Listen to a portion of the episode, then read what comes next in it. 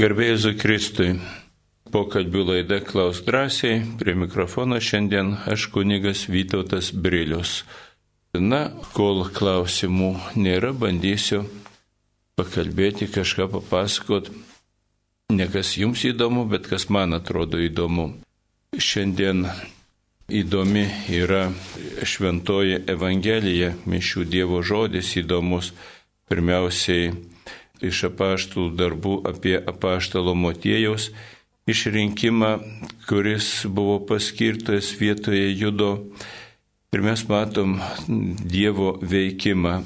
Nors žmogus ir atrodo sugadintų Dievo darbą, Dievo planas visada vyksta.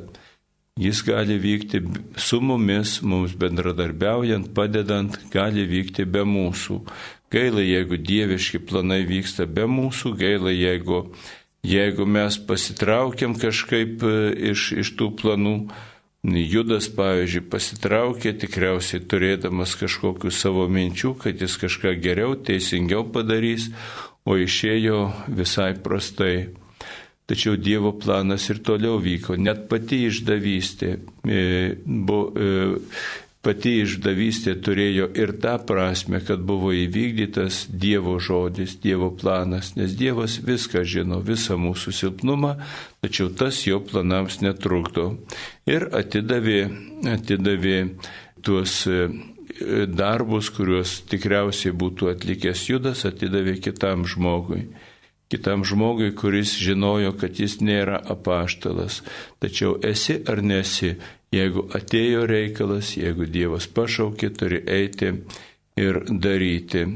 Taigi viena iš minčių, iš minčių šios dienos pagal šventąjį raštą. O dabar jau matau, atėjo, e, taip, turime telefono skambutį, prašom kalbėkite. Stasys iš Vilniaus. Kunigas sako, žiūrėk, bet ne mūsų nuodėmių, o savosios bažnyčios tikėjimą ir suteikė ramybę ir vienybę. Tu gyveni ir viešpatauji per amžius. Kaip suprasti, žiūrėk, bet ne mūsų nuodėmių. E, čia matomai blogas vertimas. E, vertimas čia yra geras, žinokite. Aš dabar neatsimenu, labai seniai mišes laikiau lotyniškai, tačiau Tačiau e, iš esmės yra tas pas non respicijas pekata nostras set fidem eklezija tuje. Atrodo, e, šitaip lotiniškai yra. Šiaip jau dėl mišiolo tekstų tai jie yra labai patikimi, e, vieni iš aukščiausio patikimumo bažnyčioje kadangi e, mišiolo tekstus ten įvairiausios liturginės komisijos tikrina kiekvieną žodelį ir ne tik tai pas mus, paskui Romoje apriboja, ten vėl skiria komisijas, kurie tikrina. Šitas vertimas yra geras. Galbūt gali trikdyti, o pas pasakymas žiūrėk, ne mūsų nuodėmių. Bažnyčia yra šventa ir nuodėminga. E, e, šventa ir nuodėminga. E, bažnyčia, kadangi pati bažnyčia yra šventa, nes tai yra Jėzus Kristus, veikiantis žemėje per savo tikinčiuosius. E, bažnyčia yra Kristaus kūnas, o tikintieji nariai. Deja, tie tikintieji yra nuodėmingi. Tačiau e, kiekvienas padaro nuodėmės, tačiau pati bažnyčia yra šventa.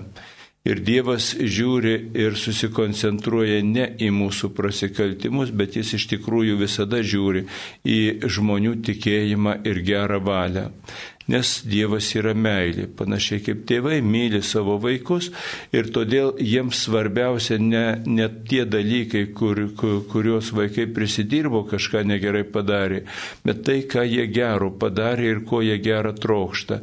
Ir pagal tai juos vertina, o ne pagal nuodėmės. Taip kad šitie žodžiai yra ir savo visai esmė teisingi. Turime dar vieną telefono skambutį, prašom. Antanas iš Žemaitijos. Prašom, ponas Antanai, klauskite. Aha, gerą rytą, Antanas iš Žemaitės. Sveiki, gyvi. Rožinį kalbėjimą, tokių minčių turiu. Dažniausiai kalbam rožončio, kad turi poronką arba kišenė turi, bet būn taip, kad į tokių veitų, kad neturi rožončių, ir aš mėgdavau, dabar taip kalbu, tiesiog ant pirštų, paslaptis mintinau, ką žinau. Nu ir kā tas kils klausims, ar ta malda lygia vērti rožončių, ar tik šiap malda, ar irgi skaitos rožončių, jeigu visko atleiti tepkapu, veitų karolioko pirštą bedu, aš tuoti man būdavau, aš įpratau nuseną. Supratau jūsų klausimą žemaitiškai, bet mokėsiu atsakyti tik lietuviškai. E, rožinis yra visų pirma malda, o malda tai yra žmogaus kalba viešpačiui. E, kai žmogus Dievui kažką sako, jis turi kažką pasakyti. Ir čia esmė ne tai, ką tu turi roža, e, rankose, ar tas tavo rožinis medinis, ar plastikinis, ar metalinis, ar ten auksinis, koks nors netai svarbu. Svarbu žmogaus intencija ir jo meilė. Ir todėl, jeigu neturi e, rožinio, pašventinto, tai galima nešventi tą naudot, jis iš esmės tai yra įrankis, kad nesu, ne, nesupainiotum skaičių, bet kartu yra ir mūsų tikėjimo ženklas. Todėl jeigu eini kažkur e, melstis rožinio, ar tai į bažnyčią, ar kažkur kitur bendrai su kitais, tiktų pasiruošti ir e, turėti rožinį nusinešti. Tačiau jeigu e, privačiai meldysi arba neturi, nepatogu ar taip toliau, jungiasi pavyzdžiui per radiją prie kitų kalbančių rožinį, visai jisai nesumenkina maldos, malda išlieka e, lygiai tiek pat vertinga. Turime klausimą, jau atėjo SMS žinutė. Genutė iš palangos irgi žemaityje kokia gražiausia intencija esate aukojęs šventasis mišes, kokiom intencijom reikėtų prašyti mišes, nes kažkada kunigas užsiminė, kad meldžiasi tik užmirusius. E, tiesą sakant, neatsimenu, kokią gražiausią intenciją sumeldėsis. Per mišes intencijos gali būti visos ir už gyvuosius, ir už mirusius. E, pag, e, vienintelis reikalavimas, kad intencija būtų, nu, kaip čia pasakius, padori, tinkama intencija. Negalima, pavyzdžiui, melsis toks juokas buvo, kad, sako, atėjo užprašyti pas kleboną mišes, kad e, kaimyno karvį nustiptų.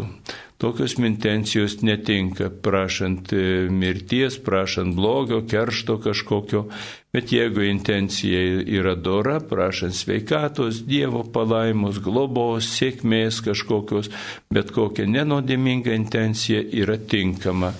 Kodėl kunigas užsiminė, kad meldžiasi tik užmirusius? Nu, visų pirma, tai tokia praktika, kad dažniausiai labai dažnai žmonės užprašo mišes užmirusius ir todėl e, daugelis mišių, kurias kunigai aukoja, yra užmirusius. Gali būti taip, kad, sakysim, mišios yra e, sudėtinės, kaip sakydavo žmonės, bendros mišios daugelio žmonių intencijomis, Ir jeigu ten yra jos būtent užmirusios, pavyzdžiui, arba, pavyzdžiui, vėlinių kokią dieną, tai tada už gyvuosius ir nepriimtų intencijos. Skaitau e, SMS. -o. Klausimas, ar įmanoma pelnyti visuotinius atlaidus už mirusį? E, truputį truputį neteisinga formuluotė, iš esmės viskas teisinga. Įmanoma e, pelnyti atlaidus savo, tačiau įmanoma juos e, e, ir kviečiama juos paaukoti, padovanoti tarsi kitam. Ir todėl užmirusius visuotinius atlaidus pelnyti galima. Ir aukoti už juos galima ir labai patartina. Ar mes esame laimingesni, e, kad esame gimę šalyje, kur propaguojama katalikų religija nuo kitų žemės gyventojų, kurie gimė kitose šalyse? Turbūt nelabai tiksliai suformuoluotas klausimas, aš jį supratau taip, kad ar mes esame laimingesni, kad gyvename krašte, e, kuris turi katalikišką kultūrą, kuris turi katalikų tikėjimą, tradiciją, ar mes esame laimingesni už iš kitus žemės gyventojus. Na, reikėtų, aš gal sakyčiau, laimingesni tai nebūtinai. laimė tai yra žmogaus jausmas, pajūtimas laimės.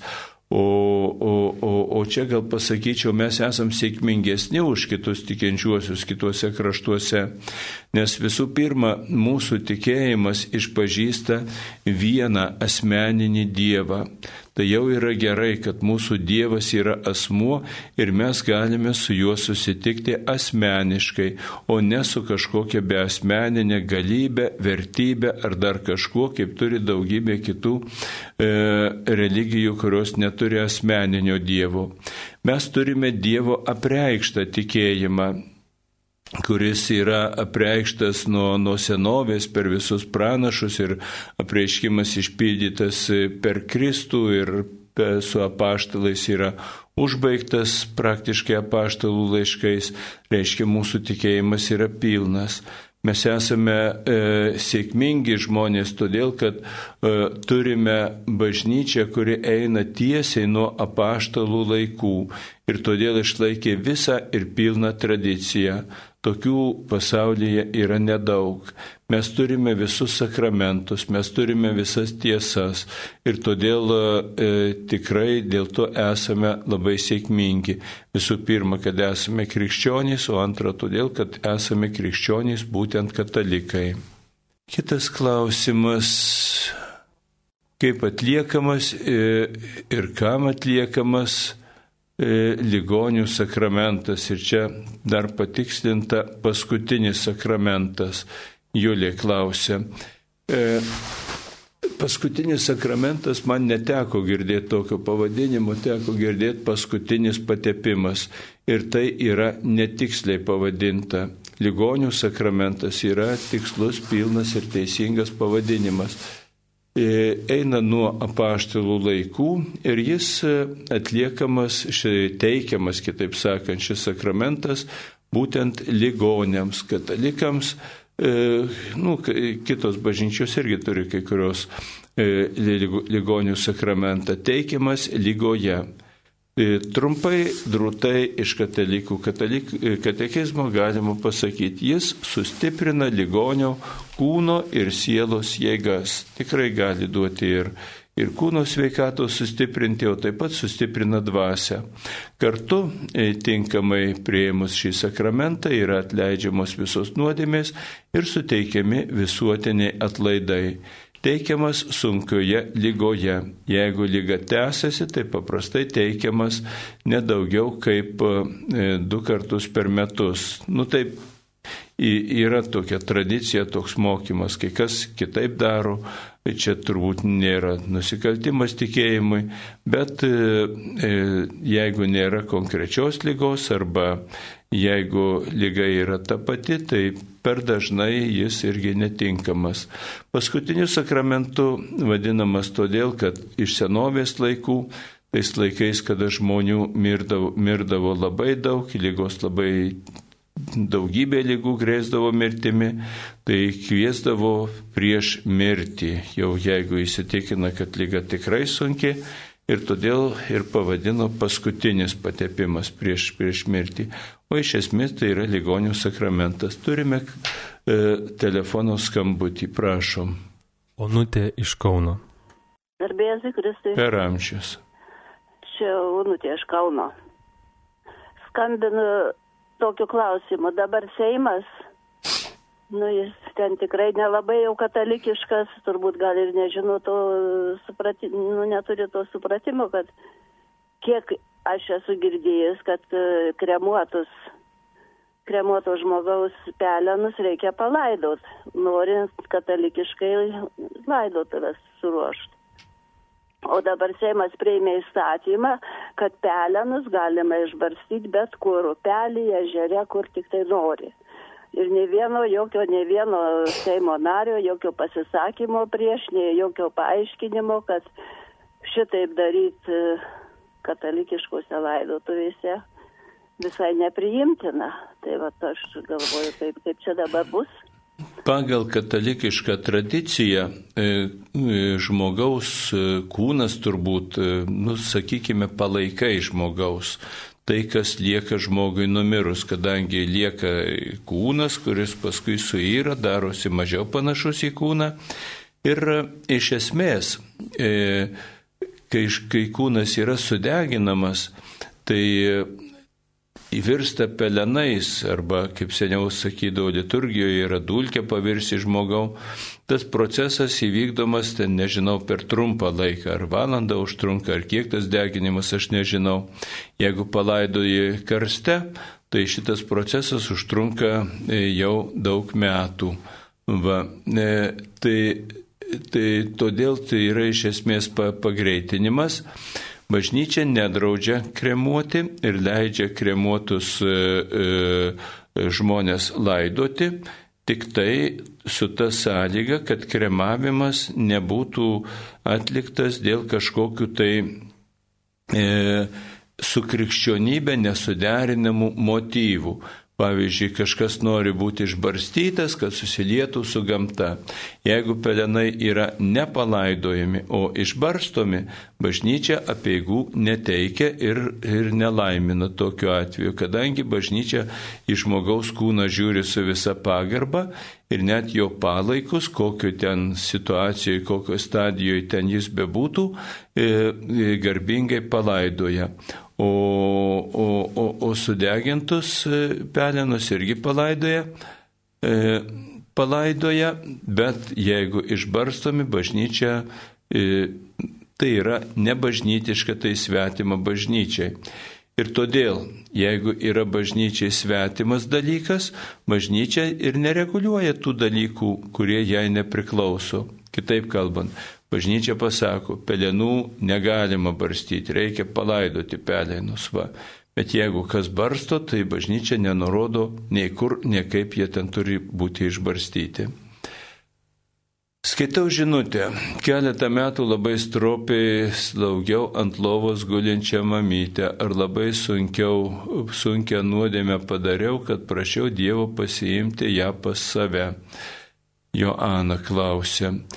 Ne, nepadarėt jokios sunkios nuodėmės, negalima, negalima žmogaus žudyti, negalima prisidėti prie savižudybės. Tačiau melstį, kad Dievas pasiimtų pas save, galima ir už kitą, ir už save patį. Ir už save galima melstis, kad viešpatį noriu jau kad pasiimtum ir už kitą galima melstis, kad Dievas pasiimtų, tačiau negalima prisidėti prie kito žmogaus mirties arba kalbos dabar eina apie e, eutanazijas visokias, ne, negalima, negalima e, pritarti, paskatinti, palaikyti tokių dalykų. Kitas klausimas, nuo praeito šeštadienio liko daug neatsakytų klausimų. Vienas iš jų, kas buvo pirmiau - krikščionybė ar šventasis raštas. Gal galima su datomis. Dėkoju. Na, e, kiek žinau, jau ne pirmą kartą dalyvauju šitoj laidoj, jeigu būna nespėtų atsakyti klausimų, tai e, čia techniniai darbuotojai paduoda juos, jie yra atsakomi. Į jūsų klausimą, e, krikščionybė ar šventasis raštas. Krikščionybė prasidėjo su Kristumi. Su Kristumi, galima sakyti, po Kristaus, kadangi Kristus bažnyčią įsteigė mirdamas, kentėdamas, prisikeldamas šventą dvasę, atsiūsdamas, tai yra bažnyčios gimimas. O šventasis raštas, senasis testamentas buvo daugybė amžių prieš Kristų.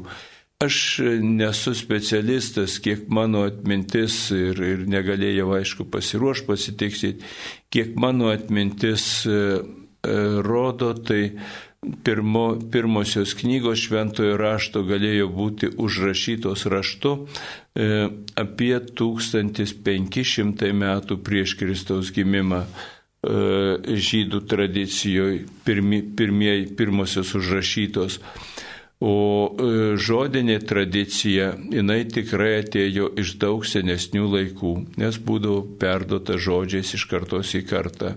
Taip kad šventasis raštas už krikščionybę yra senesnis.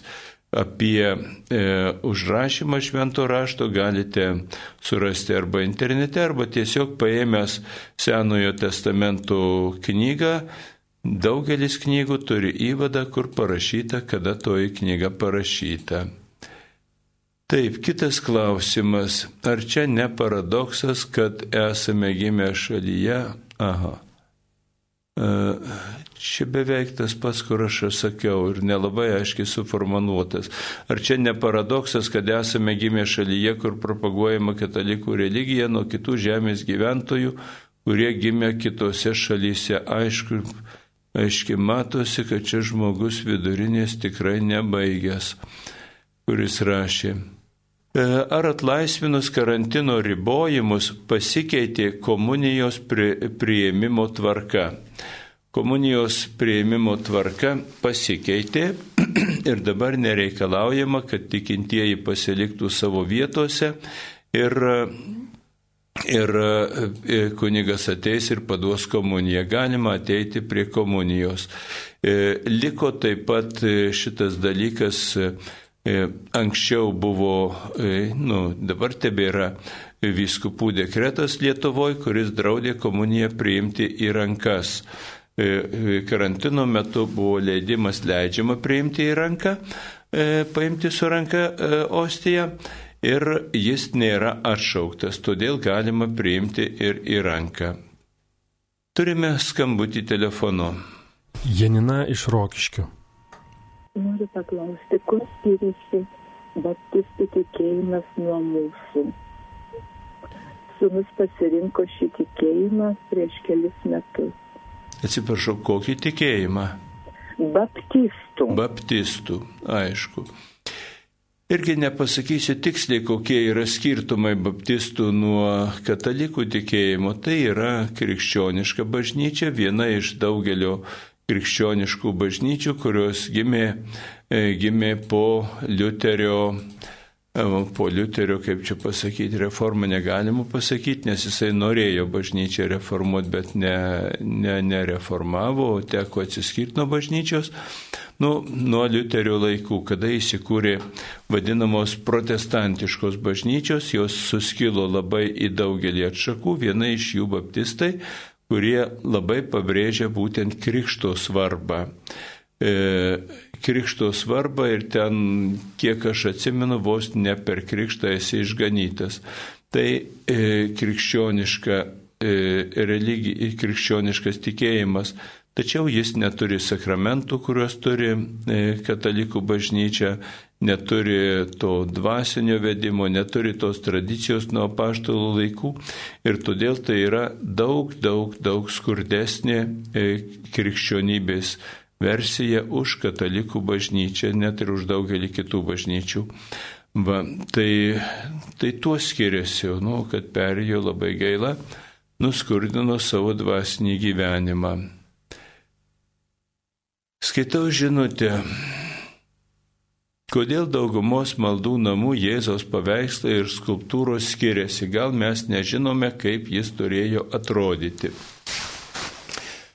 Mes tikrai nežinom, kaip Jėzus iš tikrųjų atrodė kaip fizinis asmuo, kadangi tais laikais fotografijos nebuvo, o žydų tradicija iš viso draudė, konkrečiai draudė vaizduoti žmonės, net ir gyvūnus kažkokiuose meno kūriniuose. Buvo tik tai ornamentai ir galėjo būti dar augaliniai ornamentai. Todėl Kristaus paveikslas jis yra atėjęs iš pasakojimų, padavimų, e, padavimų visokių šventųjų regėjimų, kurie jį regėjo, nu, irgi ne visiškai tiksliai vienodai. Vienodai. E, O šiaip Kristaus atvaizdas, Kristaus paveikslas jau nuo pat pradžių, kai buvo pradėtas vaizduoti, jis buvo vaizduojamas ne e, dokumentiniu e, tikslu, bet teologiniu tikslu. O taip pat ir, ir Jėzaus atvaizdai turi įvairybę, daugybę teologinių tokių sampratų. Vienaip vaizduojamas Kristus karalius, kitaip vaizduojamas gerasis ganytojas, dar kitaip vaizduojamas Jėzaus širdies Kristus ir taip toliau ir taip toliau. Todėl ir skiriasi. Turime telefono skambutį. Onutė iš Panevežio. Garbė Jėzui Kristui. Per amžius. Aš norėčiau tokį dalyką pratesti, ten moteris skambino dėl to deginimo. E, Čia yra, aišku, mano asmeninė nuomonė. Juk mes, mūsų bažnyčia, katalikų bažnyčia, e, stovi kaip ant Kristaus, kaip ant uolos Kristaus, ant Petro, ant Petro e, pamatos. Dabar bažnyčia, reiškia, leidžia, čia, aišku, viskupų sprendimas, tai, tai aš nieko ne, neprieštarauju. Man labai skauda širdį dėl to, kad Lietuva susidegins, Lietuva visus laukus patreš, jūras, upes dabar jau. Kodėl bažnyčia ne tiesiog e, per pamokslą galbūt, galbūt patarimą kažkokį duoda, kad iš tikrųjų Kristus, kada buvo nukankintas, jis, jis nebuvo sudegintas, jis buvo suviniotas į drobulę, padėtas į kapą ir prisikėlė. Kodėl bažnyčia mūsų, katalikų, kaip daro kaip indų, jų, jų tradicija yra tokia, kaip Indijoje, kaip dar kitose valstybėse, lygiai tą patį, Gango upė užteršta, ten visa viskas. Tai va tik tiek noriu, kad labai skauda širdį, Supratau ir suprantu, kad skauda širdį. Žinot, norėčiau pastebėti tą dalyką, kad Kristaus laikais e, būtent tuose kraštuose, kur Jėzus gyveno, mirė ir daugybėje kraštų, iš viso nieko nedegino, ne tik tai, e, ne tik tai Kristus nebuvo sudegintas. Taigi ten nebuvo tokios tradicijos. Tos tradicijos ateina ir išeina. Tradicijos vienos lengviau pri, pri, prigyja, kitos sunkiau. Bažnyčia visada žiūrėjo ir žiūri esminį dalyką, kad būtų išlaikyta pagarba. Pagarba mirusio žmogaus kūnui. Nes bažnyčia gerbė e, žmogaus kūną ne vien tik tai š- jo sielą. Ir todėl pagarba turi būti išlaikyta. Bažnyčia e, pripažįsta, kad įvairiose kultūrose, įvairiose kraštuose pagarbos ženklai gali būti skirtingi. Vienur paspaudžia ranką, kitur negalima, vienur ten galva palenkia, kitur kitaip ten kažkas atlinka. Ir lygiai taip pagarba mirusiojo kūnai, e, jinai e, skiriasi. E, Pas mus turbūt atėjo tas deginimas, e, deginimas galbūt susiję ir su, ta, su tom indiškom kultūrom, su viso žmonės dabar labai daug žino, labai plačiai bendrauja apsišvietė visi, gal patiko šitas dalykas, galbūt kažką atstumė tas e, mirusio žmogaus e, gendantis kūnas, galbūt prisimena, įsivaizduoja, kaip jis ten neg- negražiai po žemė tam karste atrodys ir pats nenorėtų šitaip ten šalta, žinai, dar kažkas tai tokio.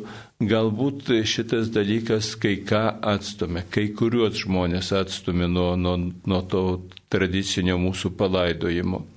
Dar yra ir praktinis aspektas ir dėl žemės panaudojimo, kadangi e, žmonių dabar gyvena daug ir miršta labai daug ir kapinės daug vietos užima atima žemės, e, tos žemės kuo toliau, tuo labiau trūksta.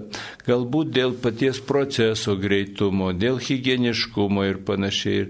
Visi šitie dalykai susideda, susideda. Tačiau jeigu kūnas yra sudeginamas su pagarba, jeigu, jeigu e, jis be kažkokių pagoniškų motyvų, kad ten išbarstytų ar ką nors, bažnyčia tuos dalykus leidžia. Ne pritarė, tačiau leidžia.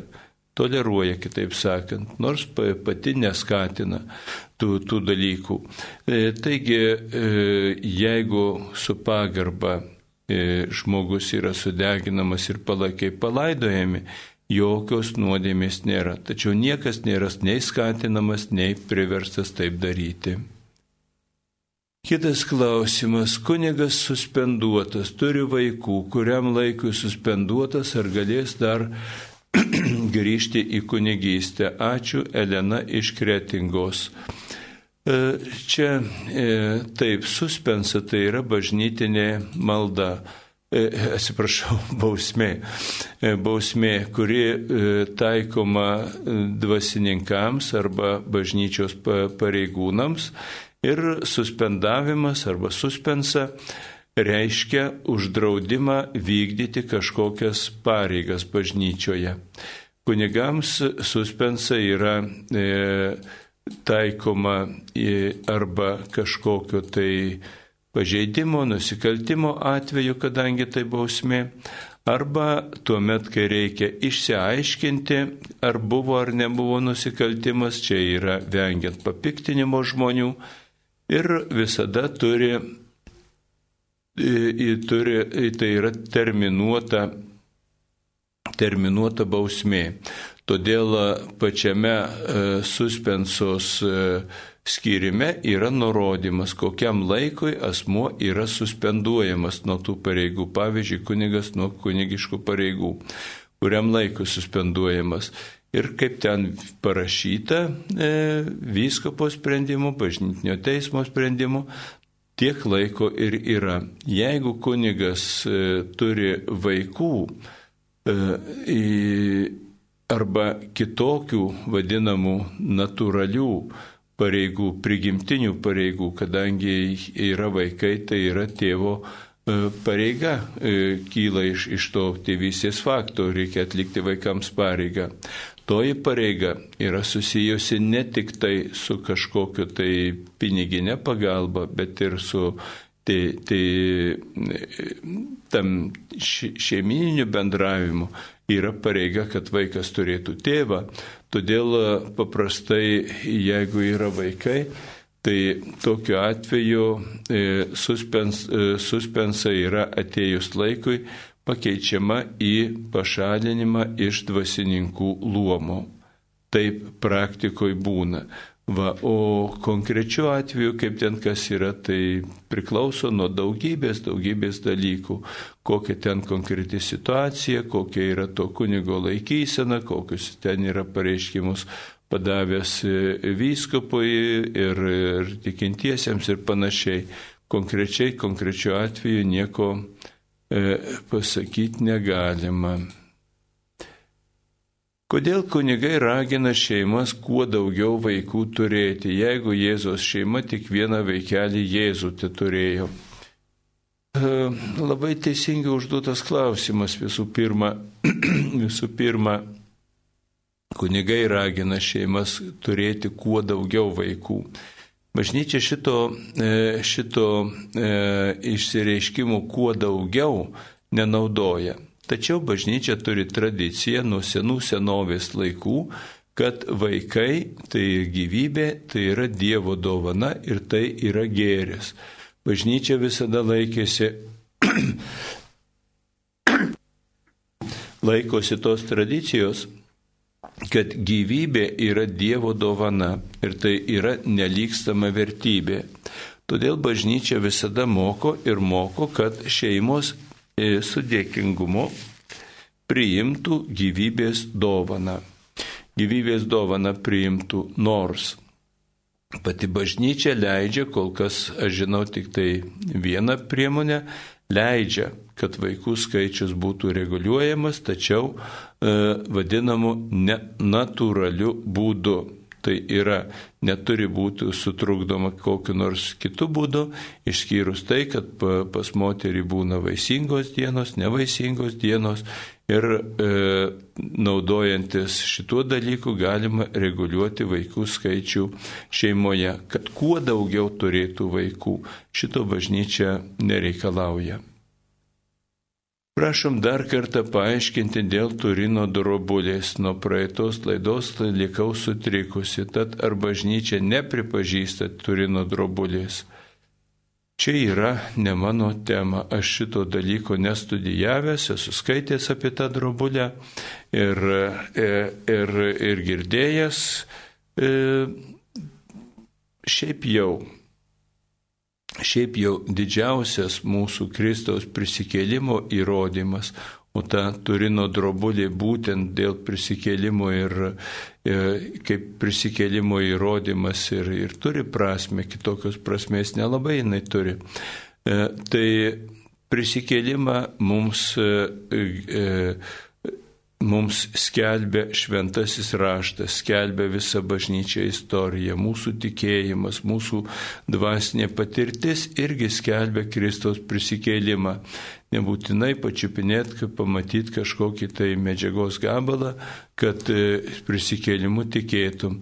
Aišku, jeigu ten yra relikvija iš tokių senovinių laikų, jeigu ten yra iš Kristaus kapo drobulė, tikrai verta pagarbos, kaip ir verta pagarbos daugybė, daugybės e, tikinčiųjų meilė ir pagarba šitiems visiems šventiems dalyka, dalykams. Tai yra e, labai svarbu. Taigi, o šitos laidos e, aš tai negirdėjau ir todėl negaliu daugiau komentuoti. Kitas klausimas. Kaip pagelbėti turintiems priklausomybės, o jūsų ar prašo pagalbos turint, turintys priklausomybių vyrai, moterys ar jaunimas? E, kaip pagelbėti turintiems priklausomybės? Kaip tikintieji mes pirmiausia melžiame žmonėms sveikatos, tvirtybės ir ir išsi, išsivadavimo iš tų visų blogybių. Kaip e, protingi žmonės mes e, kreipiame tuos žmonės į, į ten, kur galima gauti profesionalią, tai pavadinkime, pagalbą. Iš esmės tai dažniausiai yra E, anoniminės bendruomenės, anoniminiai alkoholikai, anoniminiai narkomanikai, dar kažkas, yra gydymo centrai. E, yra e, pasitaikę, kad žmonės prašydavo pagalbos turintys priklausomybių ir vyrai, ir moterys, ir kadangi aš nedirbu jokio, jokiose programuose, kurios to tą pagalbą teikia, nu tai tada ieškau galimybių pagal tai, kur kam geriau, patogiau, kad nukreipti į atitinkamą programą. Kitas klausimas. Ar religijai patinka protingi žmonės, kurie reikalauja e, įrodymų ir vengia mokėti kaip aklai tikintieji? Nu, čia panašu, kad e, e, klausimas su iš ankstiniu e, nusistatymu tam tikru.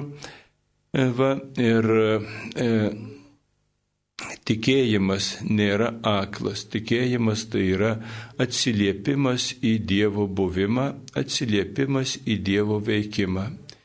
Įrodymas, jeigu turima minti įrodymą dabartinę dabartinę e, plačiai pra, pra, paplitusią prasme, tai būtų eksperimentinis įrodymas. Ir toks įrodymas iš esmės leistų, kad e, leistų sakyti, kad jeigu yra įmanoma laboratorijoje pagaminti Dievą, tai Dievas ir egzistuoja.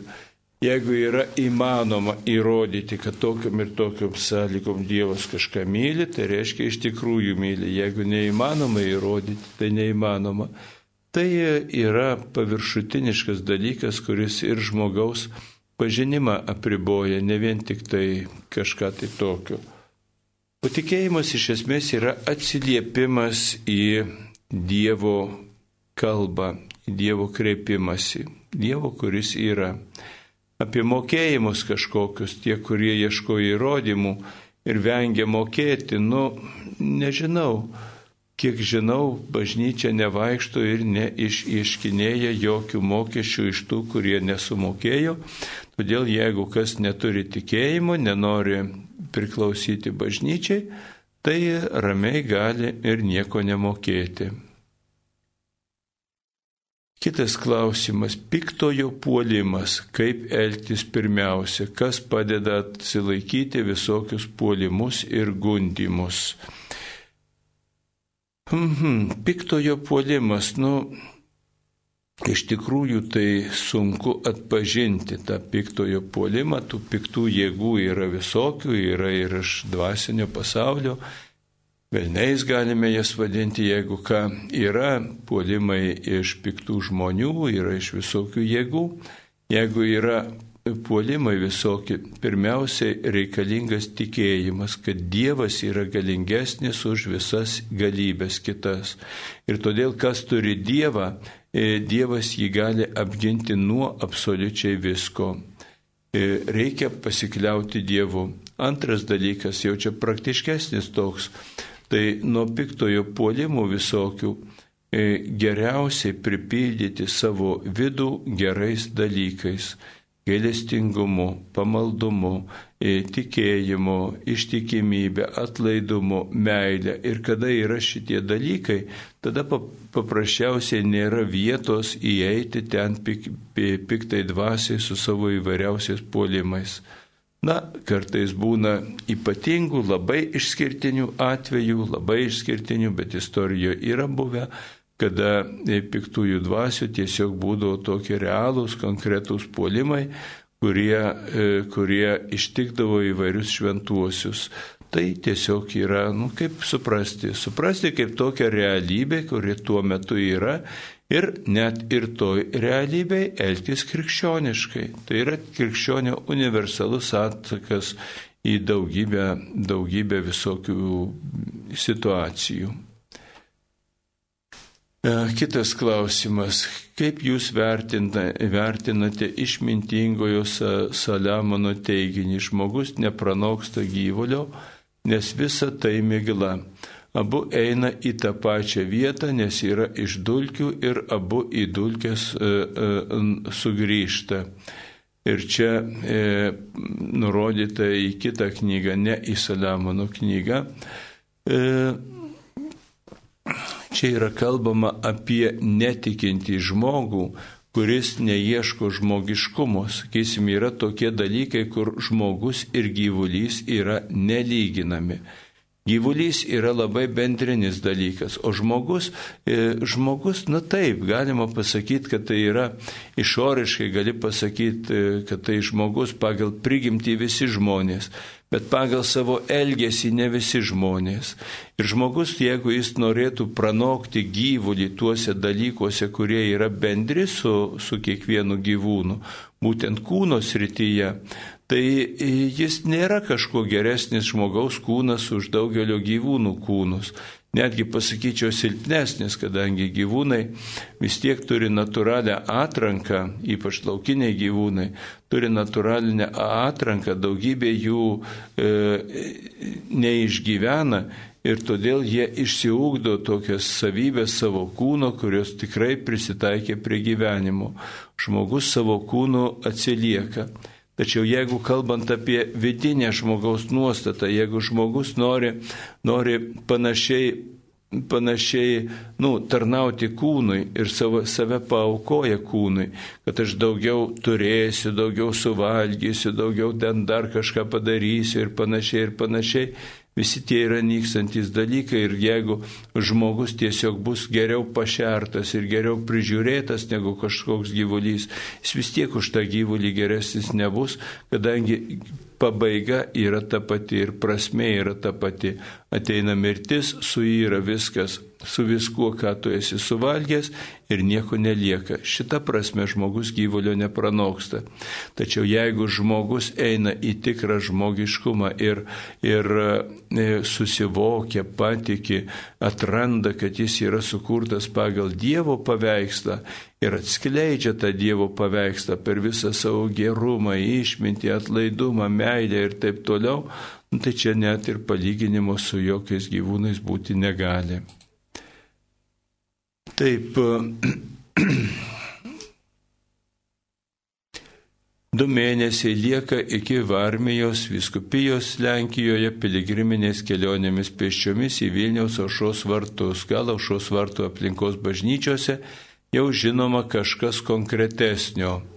Bent ar ši piligriminė kelionė į Lenkijos ir Lietuvos keliais šiemet įvyks. E, konkrečių žinių dar neturime ir jie patys dar nėra pranešę. Aš e, manau, aš asmeniškai manau, kad ta kelionė tikrai įvyks. E, tikrai įvyks. Nu ir tikimės ir laukiam, kadangi šventovė atsidaro, žmonės lanko, Nu, čia priklausys nuo, nuo, nuo įvairių dalykų, kaip ar bus įmanoma suorganizuoti. Jeigu bus įmanoma suorganizuoti, tikrai įvyks. Taip klausimas, kodėl mūsų Dievas danguje su savo dešimčia įsakymų, reikalaudamas jas laikyti, gazdina mus pragalu ir reikalauja pinigų, nors jis mus myli. Nu, Taip, Dievas visų pirma, žinot, pasižiūrėkit į logiką ir bandykite suvokti geriau. Ar jūs tikrai Dievo įsakymai gazdina? Nemeluok. Ar jūs gazdina, kad negalima meluoti?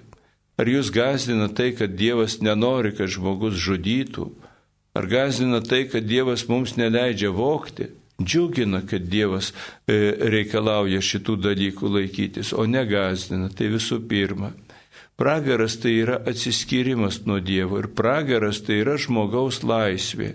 Žmogaus laisvė Dievą palikti. Dievas žmogaus niekada nepalieka, tačiau Dievas žmogaus ne, nepaima į vergovę ir todėl leidžia žmogui arba Dievą pasirinkti, arba Dievą palikti arba Dievą palikti. E, ir gyvenimas amžinybėje be Dievo tai ir yra pragaras. Nu, Dievas e, reikalauja pinigų. Nežinau, man Dievas dar savo sąskaitos neatsintė, todėl aš dar Dievui pinigų jokių nesu, nesu atidavęs ir iš mūsų nereikalauja. Bažnyčia prašo, kad žmonės prisidėtų prie bažnyčios išlaikymo, nes tai yra mūsų bažnyčia. Ir pavyzdžiui, žmogus, kuris gal nenori prisidėti prie bažnyčios išlaikymo, tačiau sėdi ir klausosi Marijos radijo. Marijos radijas moka ten ryšių tarnyboms, už ryšius ten nežinia kiek tų pinigų, dešimtis tūkstančių kiekvienais mėnesiais, jeigu ne, jeigu ne virš šimto tūkstančių, kiekvieną mėnesį. E, dirba darbuotojai, išlaikomos patalpos, veikia aparatūra, naudojama elektra, apšydimas, išvalymas, visa kita, visa kita, visa kita. O žmogus sėdi namie ir galvoja, kodėl Dievas reikalauja pinigų. Išsijung radiją, tai, tai bent jau mažiau sunaudosi. Kitas klausimas iš praeitų metų likusi šventinta duona, kaip pagarbiai pasielgti. Dėkoju Valerija iš Vilniaus rajonų. Turbūt turite minti kalėdaičius atlikusius. Nu, e, kalėdaičiai, jeigu jų atlieka nuo kučių vakarienės, bent jau mano šeimos vatpiai, turbūt ir, ir, to, ir, ir to ir tos, e, to, to, to, to rajono, tos ryties tradicija tokia buvo, e, kad jeigu nuo kučių atliko kalėdaičių, tai jie yra suvalgomi, pasidalinami, sėdant prie naujų metų stalo.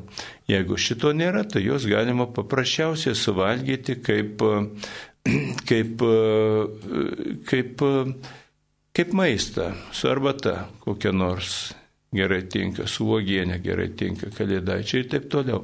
Per Velykas šventinam visokius kiaušinius, visokius duoną, kitokį maistą ir paprasčiausiai suvalgom. Taip galima ir su kalėdaičiais pasielgti. Taip, kitas klausimas. Ar žydų Dievą Jahvę galime vadinti meilę, nekreipdama dėmesio jo žudinės Sename testamente, Nojaus laivas Sodoma ir taip toliau ir taip toliau. Trumpai pasiduosiu emocijoms, žinot, sunku būna skaityti, kada rašo toks pusiau raštingas žmogus tik tai. E, Dievas yra meilė ir Dievas žmonės kviečia į meilę. Ir ten, ką mes vadiname Dievo žudynėmis, tai visų pirma žūsta tie žmonės, kurie neturi meilės, kurie neturi žmogiškumo. Jėzus Kristus vienam iš savo palyginimų e, rašė apie turtuolį, kalbėjo apie turtuolį, kiti užrašė, kalbėjo apie turtuolį, kurio laukuose e, nu, uždėrėjo nepaprastai didelis derlius ir jis E, pasakė, ką man dabar daryti, o pasistatysiu didelius klojimus, viską suvešiu ir tada jau sakysiu viskas, dabar mano sielai pasakysiu, gali linksmintis ir džiaugtis, viskas gyvenime padaryta. O Dievas jam pasakė, kvaily, dar šią naktį mirsi ir kam viskas atiteks. E, pasakyta apie žmogų, kuris paprasčiausiai ne, nesiekė žmogiškumo, kuris paprasčiausiai galvojo tik apie save ir nenorėjo kažko gero nuveikti. Tokiam žmogui nėra prasmės gyventi. Ir žmogui, kuris palieka žmogiškumą, kuris elgesi nežmogiškai, nėra prasmės gyventi. Dievas leidžia gyventi nusidėjėliams su viltimi, kad žmogus, kad žmogus e, atsivers ir eis žmogiškais keliais ir darys gerą. Tačiau, e, tačiau e, atsitinka ir taip, kad žmogus neatsiverčia ir nueina į pragarą. Apie tokius Jėzus pasakė, tokiam žmogui geriau būtų buvus negimti, nes gyventi nuodėmiai nėra prasmės, neturi prasmės toks gyvenimas. Ir tos visos nelaimės ir žudynės, kurios yra Senam testamente, E, jos taip pat ir nurodo, kad nėra prasmės gyventi tam, kuris, kurio gyvenimas nėra žmogiškas. Kitas klausimas, kodėl visų dievų gyvenimo istorija beveik nesiskyrė, visi skaistai gimė, gaivino mirusiuosius, vaikščiojo po vandenį, vaikšt, vaikšto jo, taip gražiai užrašyta po mirties prisikėlė, vėliau pateko į dangų - Alachas, Zeusas, Krišna, Horus, Setas ir taip toliau. E, skiriasi tos vadinamos istorijos, yra ten įvairių panašumų, tačiau skiriasi. E, ir, ir mes žiūrime savo tikėjime ne apie ne istorinius dalykus tyrinėjom, Mes įtyrinėdami istoriją ieškom gyvenimo prasmės ir ieškom savo gyvenimo kelio. Galbūt gyvenimo kelio netgi labiau ieškome negu gyvenimo prasmės. Na, teisingas kelias ir atveda į prasme. Taip, kitas klausimas. Daug kunigų ateistai į lagerius trėmė, bet kodėl iš tiek daug kunigų nesugebėjo ateistams savo tikėjimo įrodyti?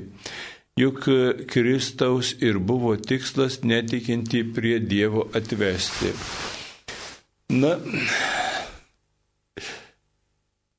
jeigu mes šitoj vietoje žiūrėsim į Kristaus e, pavyzdį, tai mes galėtume paklausti, o kiek buvo Kristaus atvestų, išmokytų žmonių, kuriems jis darė stebuklus, gydė, kiek jų buvo, e, kurie stengiasi jį nuo mirties išgelbėti.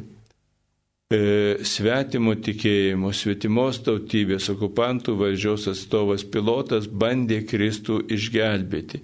Jo žmona prašė, aš sako, sapnavau Jėzų, prašau jį išgelbėti. Šitie stengiasi, o, o, o vadinami tikintieji, kurie turėjo tikėjimą, bet turėjo savo nuomonę apie tikėjimą, Kristaus nuomonę apie tikėjimą, jiems netiko ir jie Kristaus mokymo nepriėmė.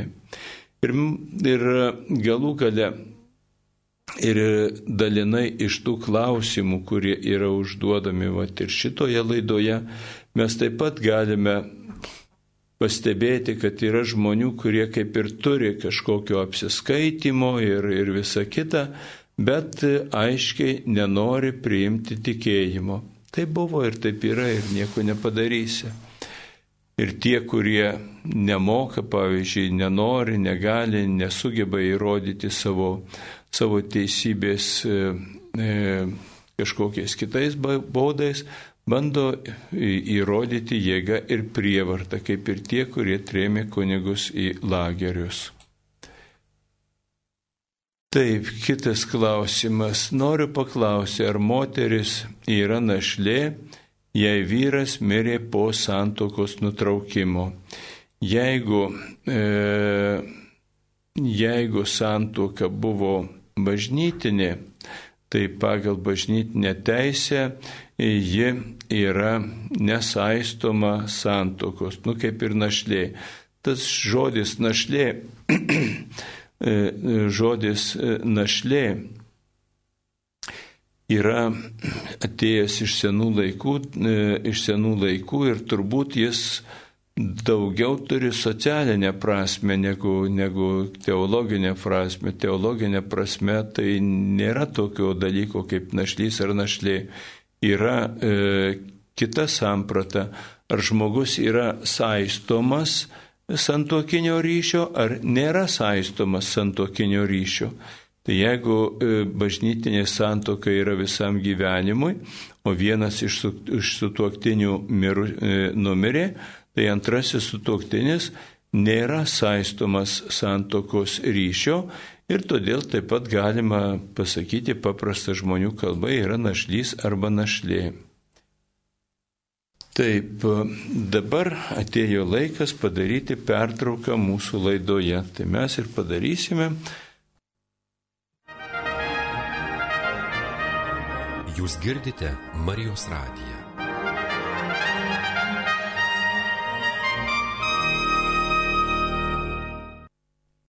Tęsime pokalbių laidą Klaus drąsiai, prie mikrofono kunigas Vytautas Brilius.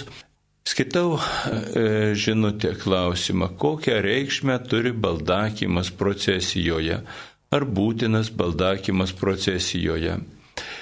Procesija, religinė procesija yra atėjusi iš senovinių laikų, kai būdavo šiaip iškilmingos procesijos nereliginės.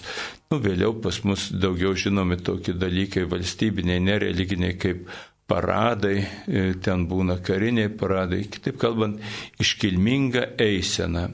Kadangi tos iškilmingos eisenos vykdavo senovės Romos imperijoje, ten ir panašiai, e, su visokiais imperatoriais ir kitais didikais, ir jie būdavo centrinė figūra toje e, procesijoje, būdavo naudojam, naudojamas baldakimas. Tai yra toksai nešamas stogelis, kad to svarbaus asmens ne, nekepintų saulė, galbūt lietus nelytų. Ir šita tradicija perėjo, kada iškilmingai einama procesija, nešant e, relikvijas, paveikslus. Pas mus e, žinomiausia yra procesija su švenčiausiųjų sakramentu.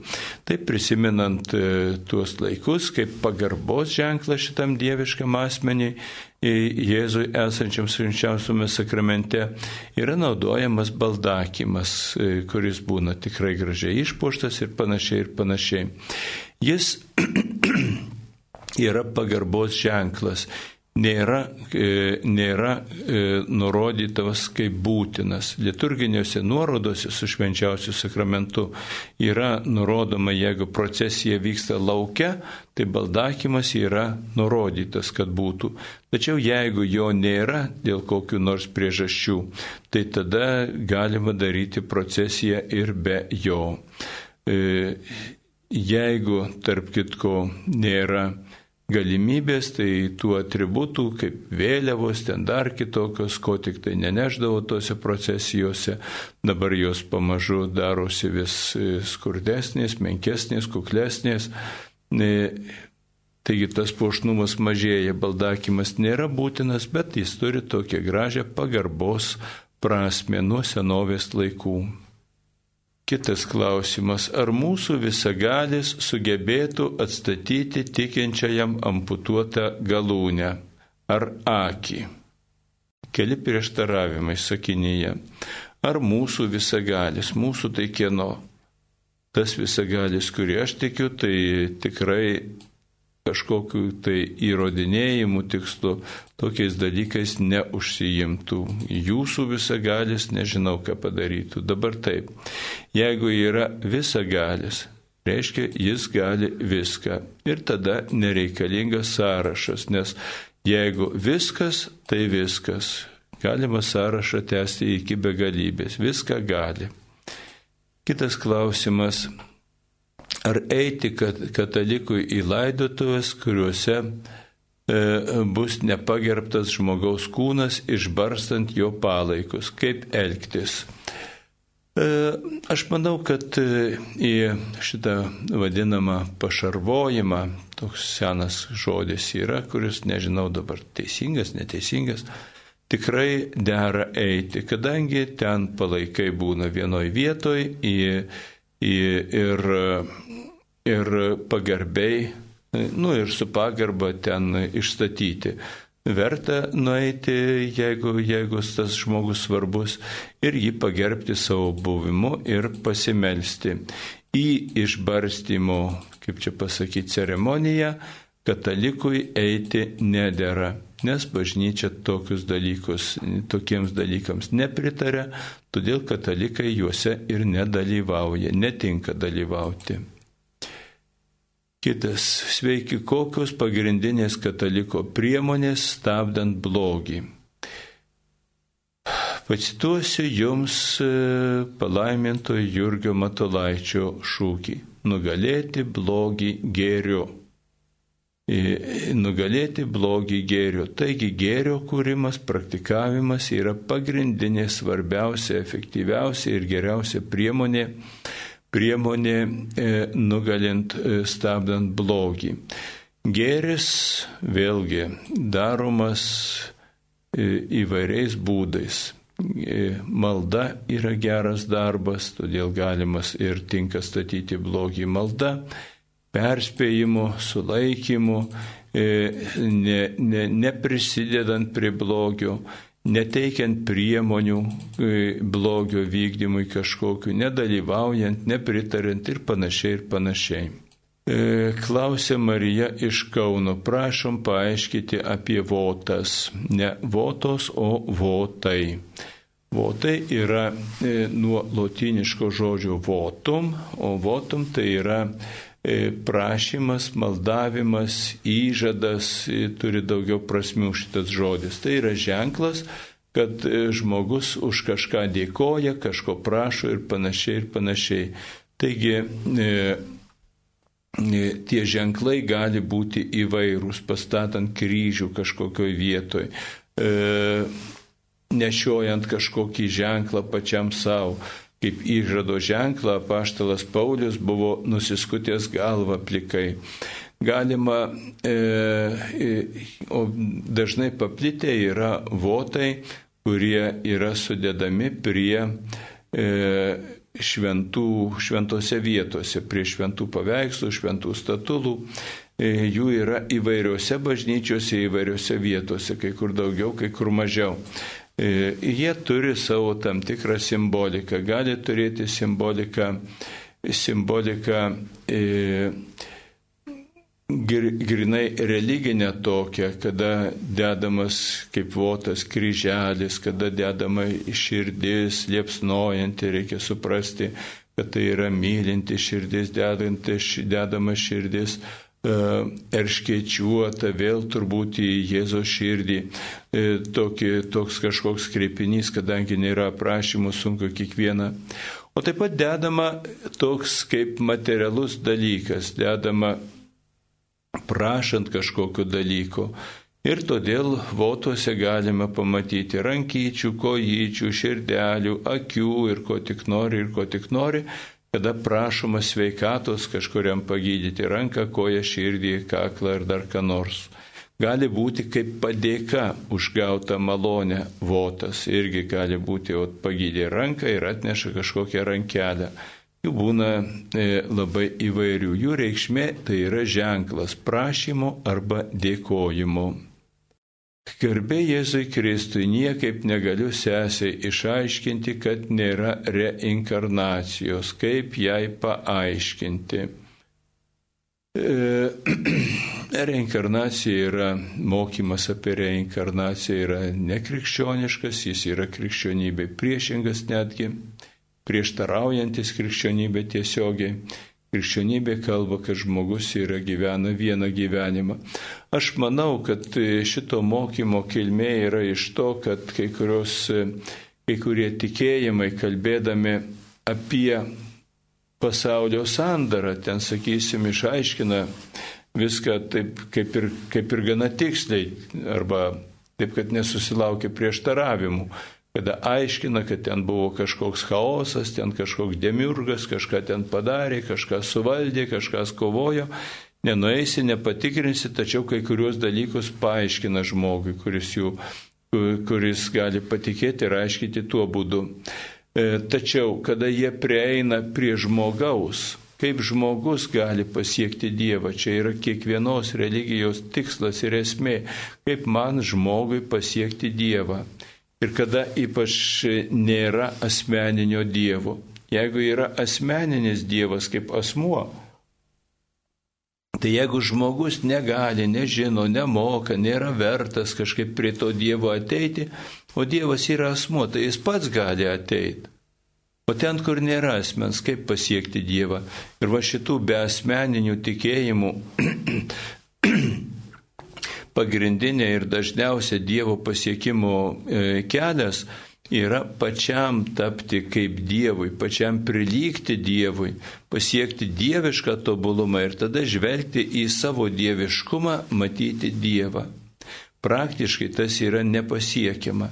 Ir todėl žmogus galvoja, jeigu praktiškai neįmanoma šitaip, kaip vis dėlto tą Dievą pasiekti.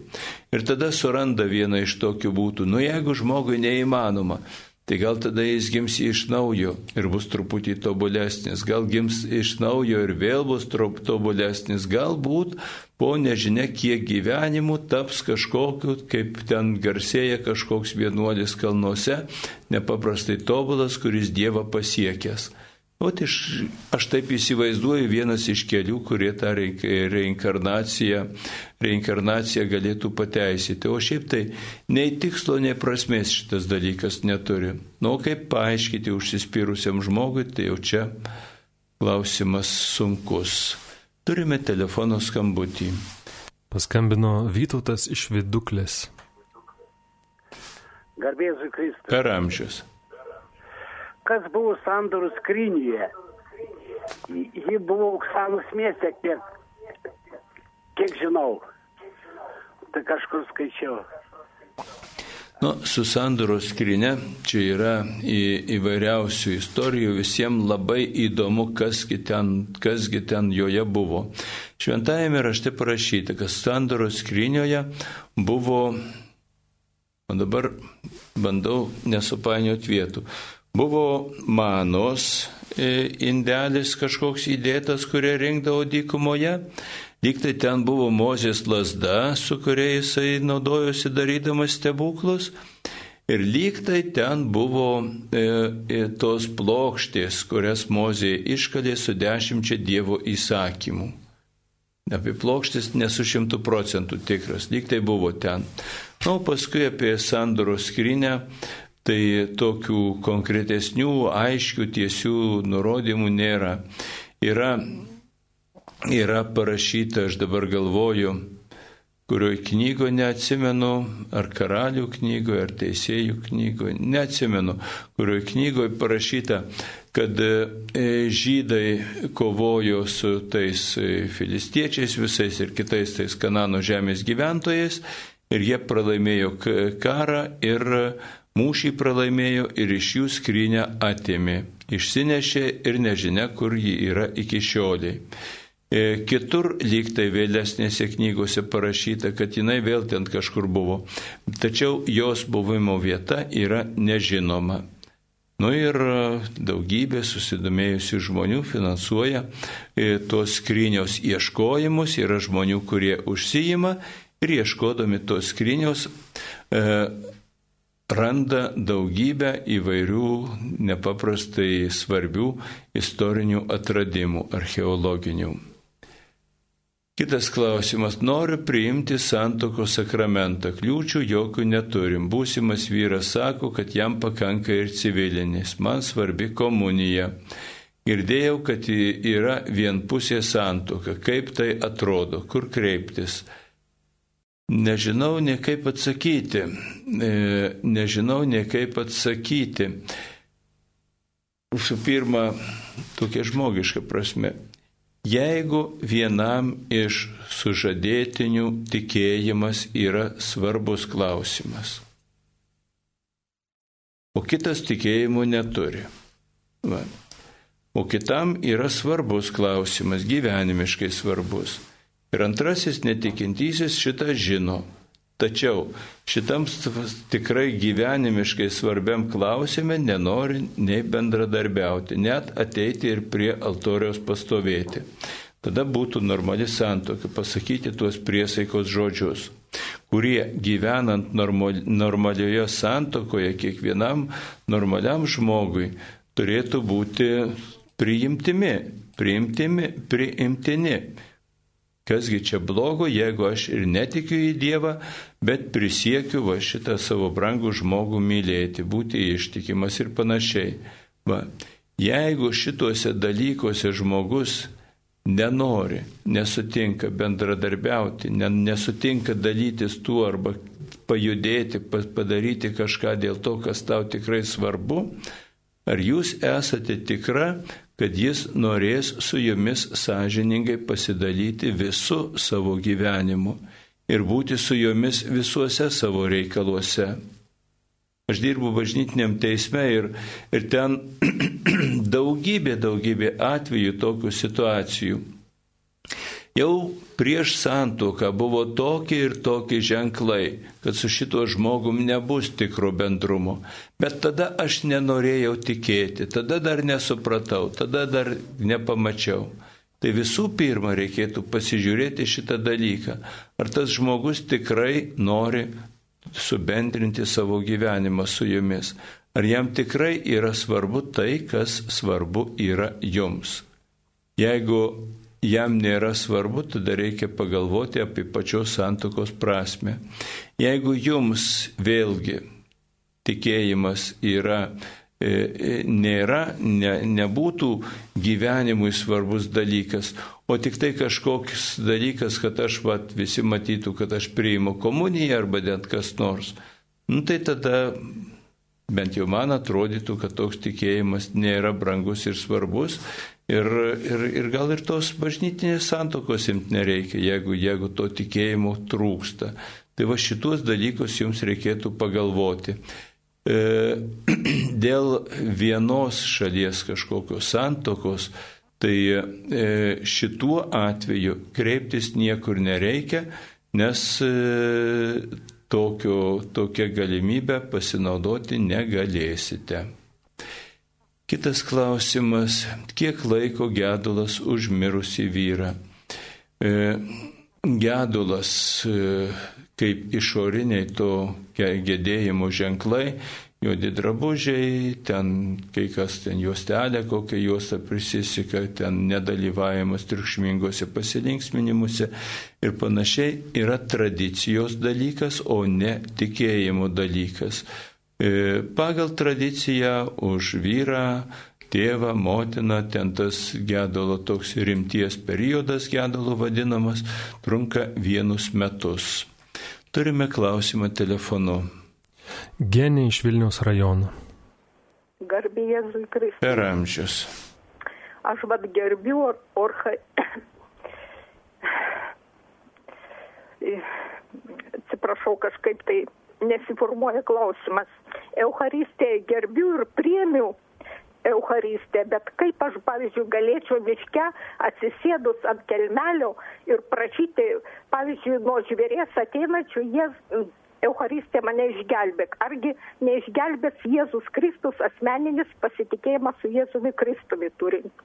Jėzus Kristus gelbės Taip, čia klausimas toksai truputį retoriškas. Jėzus Kristus gelbi.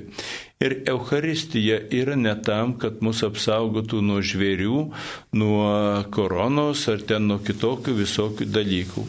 Euharistija tai yra duona, dvasinio gyvenimo duona, kuris, kuri mus maitina. Kiekvienas maistas, nu, kadangi maistą mes pirmiausia suvokiam tuo kūnišku požiūriu, o Euharistija prilyginama kaip maistas. Maistas jisai duoda gyvybinių jėgų, duoda jėgų gyventi. Tačiau žmogaus pasirinkimas, kaip gyventi, Jeigu žmogus renkasi gyventi krikščioniškai, o krikščioniškai gyventi reikia sunku, kadangi reikia mylėti, o mylėti reiškia paimti iš savęs ir atiduoti kitam, kažkuo dalytis, o šitas vėlgi yra sunku. Žmogus pavarksta, netenka prasmės. Euharistija, kuri yra tinkamai priimama su visų tikėjimu, su visų išgyvenimu, su visų suvokimu, padeda, pastiprina ir duoda jėgų gyventi krikščioniškai. Čia yra Euharistijos išgelbėjimas ir pagrindiniai dalykai. Tačiau nei dantų, nei plaučių ne, ne, negydo, nuo žvėrių nesaugo, nuo gyvačių nesaugo. Čia yra kitiems dalykams. Tai yra duona, kuri sustiprina žmogų su jo išmintimi, su jo gerumu, su jo visa malonė. Tiek turime kitą skambutį. Marija iš Vilnius. Aš noriu paklausti, ačiū Jums už įsamius atsakymus. Ir iš karto atsiprašau, gal tas mano klausimas bus šiek tiek apie grožį, apie Mariją Magdalietę aš norėčiau sulyginti su dabar labai propaguojama Merlina Monro, kuri irgi labai stipriai mylėjo kenedžius. Marija Magdalena įsimylėjo e, Jėzų Kristų. Galbūt ir Jėzus Kristus ją mylėjo. Aš apie ją nelabai žinau, kur palaidota. Ir tuo pačiu noriu pasakyti, kad pas močiutė buvo paveikslas jos gražus paveikslas. Ir kada aš buvau, nu, kai reikėjo sutvirtinimo sakramentą, aš vien per grožį, aš aišku tikėjimą tą turėjau, kad, kad ir vaikas buvau, bet per tą grožį aš norėjau būti, kad ji graži ir aš prašiau to vardo. Ir tiek, tai tas vardas man tiesiog, galbūt, ne, turiu būti Magdalena. Tai dabar norėčiau dar paklausti apie Mariją Magdaleną. Per grožis nugalėjo, kai sako, blogį nugali. Kur Marija Magdalė tai yra palaidota, aš pat kažkaip nežinau, gal aš atsilikusi, kaip apie ją šiek tiek daugiau dabar irgi jaunimas žiūri kunigai visi labai ją garbina, Marija Magdalietė, net už grožį. E, na, grožis yra fizinis ir grožis yra dvasinis. Teologinė prasme yra svarbus, svarbus dvasinis grožis.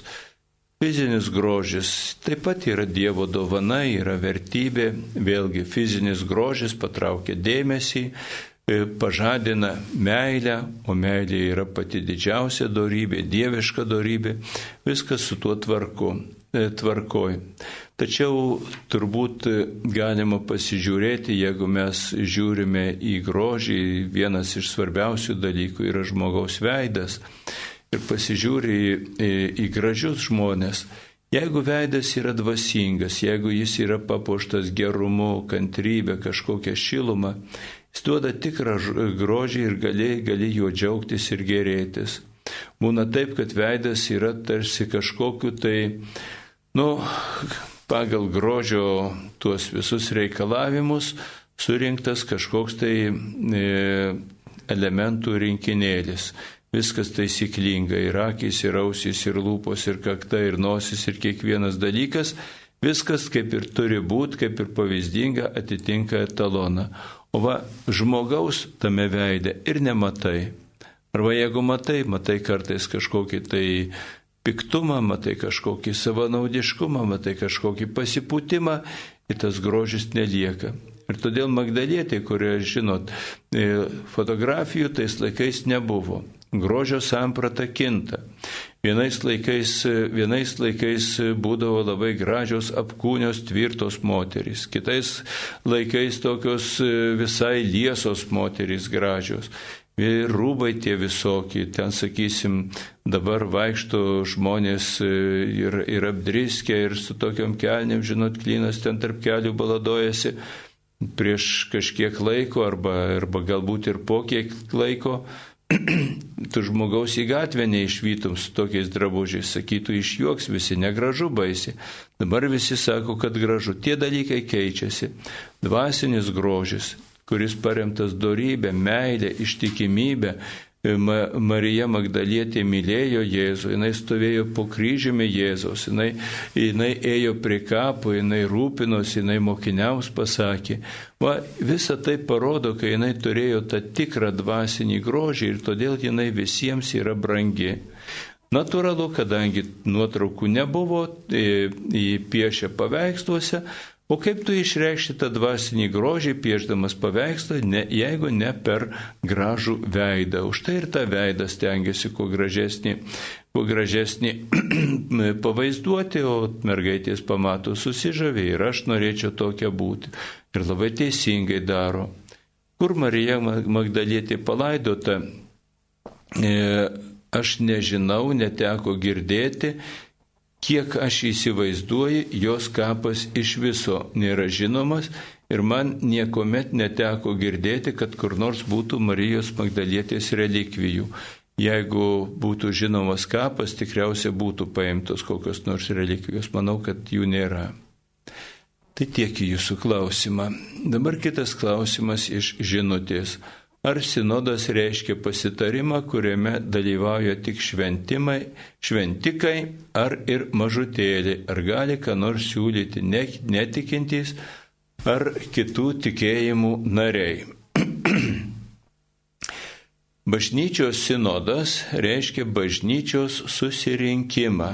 Susirinkimą, kur yra tariamasi ir, ir, ir, ir, ir prieinama kažkokiu išvadų, sprendimų ir panašiai ir panašiai. Tai yra bažnyčios susirinkimas. Netikintys bažnyčiai nepriklauso arba bent jau nėra su jie vienybėje.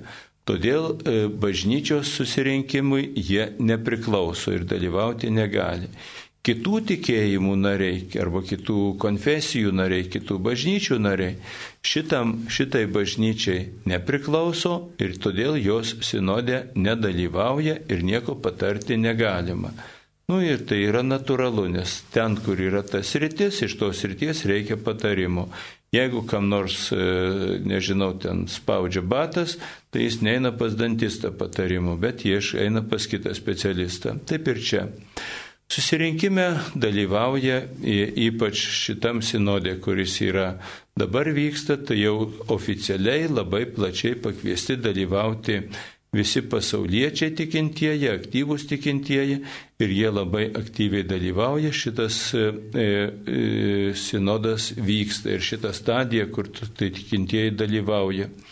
Daugelį kitų sinodų, kur oficialiai balsuoja dvasininkai, paprastai vyskupai, yra visada, visada yra įvairios komisijos, kurios nagrinėja klausimus ir ten būna ir dvasininkų, ir pasauliečių specialistų. Turime telefono skambutį. Antanas iš Kauno. Garbėjus Zikaris. Per amžius. Teko būti ne vienoje cerkvei cerkvei puošybai daugiau skiriama pinigų. Vien auksas. Kodėl imkim Lietuvoje, katalikų bažnyčia, imkim pavyzdį Šilva. Labai skurdi bazilika. Šitiek žmonių suplaukia, kur tie pinigai nueina. Labai keista. Ačiū. E, visų pirma, e, Šiluvoje yra padaryti milžiniški darbai ir ten yra sudėtos milžiniškos lėšos ir tie remontai, puošyba ir taip toliau vyko visada. E, dar kitas dalykas, e, pinigai, kurie yra suaukojami tikinčiųjų, jie yra aukojami bažnyčiai, bet ne konkrečiai e, šventoviai. Ir todėl pinigai, kurie su, surenkami Šiluvos šventovėje, jie yra renkami įvairiais tikslais. Pavyzdžiui, yra e, visada per atlaidus ir ne tik per atlaidus ir dažniau pastato savo palapinę, yra renkamos aukos Marijos radijui. E, ir dėka taip pat ir tų aukų mes šiandien bendraujame. E, yra renkama aukos šventoms mišioms intencijoms. Jas tvarko vyskupas ir tas intencijas ne tik tai Šiluvos šventovėje aukojamos mišios, bet išdalyjamos taip pat ir kunigams mažesnėse parapijose, kur e, intencijų mažiau, kunigų pragyvenimas sunki, sunkesnis ir kunigas turi galimybę atlaikyti daugiau intencijų. Ten tarp kitko pati, patenka dalis mišių intencijų ir iš kitų didelių parapijų, ne tik tai iš Šilovos šventovės. Yra renkamos įvairios aukos įvairiems reikalams, yra renkamos paprasčiausiai bažnyčiai aukos. Tos aukos taip pat yra paskiriamos ir krikščioniškam švietimui, ir karitatyviniams reikalams, ir, ir kitų bažnyčių remontams, visokiams išlaikymams ir panašiai ir panašiai. Tos aukos, kurios renkamos konkrečiai Šilovos šventovės išlaikymui ir atstatymui, tai jos pasilieka e, Šilovos šventovėje ir yra tiems dalykams sunaudojamos, e, su, sunaudojamos kartu su kitomis aukomis, kurios surenkamos bažnyčioje.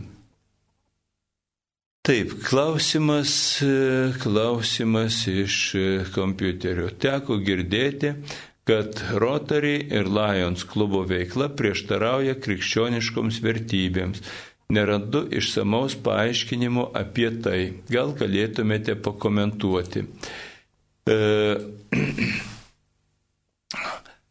Rotary klubas e, ir Lions klubas, jie priklauso pasauliečių, turtingų žmonių, verslininkų, įtakingų žmonių organizacijoms. Jie apsisaugoja nuo nuo e, visų kitų žmonių, kurie ten galbūt norėtų dalyvauti. Kaip taisyklė apsisaugoja tam žemiausiam lygyje, pirminiam lygyje aukštais mokytojais. Pažinojau e, vieną moteris, man kartą sakė, tarp kitko jinai buvo valdininkė, užėmė e, tikrai nemažas pareigas valstybėje ir buvo svarbus žmogus ir sako, ji buvo pakviesta į Lions klubą kaip valdininkė. Ten bus mūsų bendravimas, darysime gerus darbus ir taip toliau ir taip toliau. Narių mokėsis tais laikais, tai buvo e, kažkas 90 kažkėlinti metai, nario mokestis berots 460 dolerių per mėnesį. Nu, ir tokiu būdu neturtingi, neįtakingi žmonės nuo tų atskiriami jie ten renkasi. E, šitie klubai yra siejami su masonų veikla. Masonų veikla, nors yra maskuojama, yra antikrikščioniška ir antikatalikiška konkrečiai.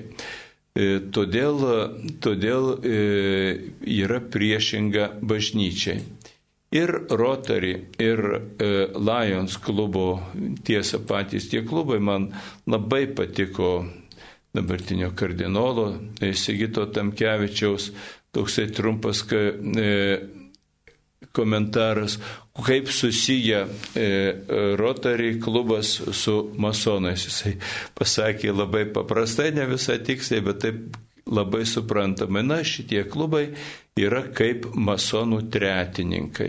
Nepriklausai tiesiogiai organizacijai, bet priklausai remiančiai kažkokiai bendryje, kuri šitą organizaciją remia.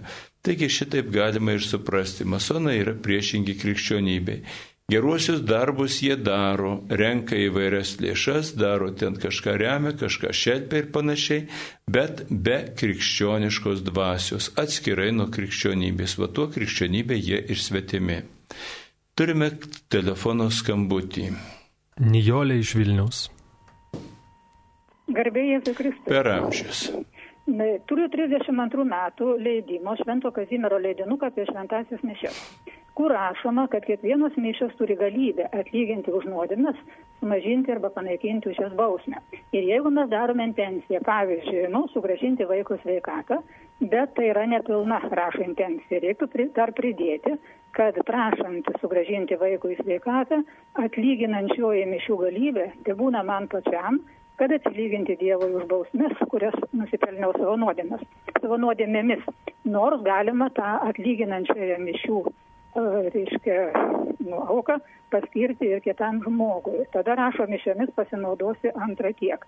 Bet man nieko neteko girdėti iki šiol, e, nu bent jau iš kunigų, kad apie tą atlyginančiąją mišių tokią galybę, kurią reiktų ar atskirai, nu, ar išsakyti kartu su intencija, ar jinai kažkaip jau taip automatiškai.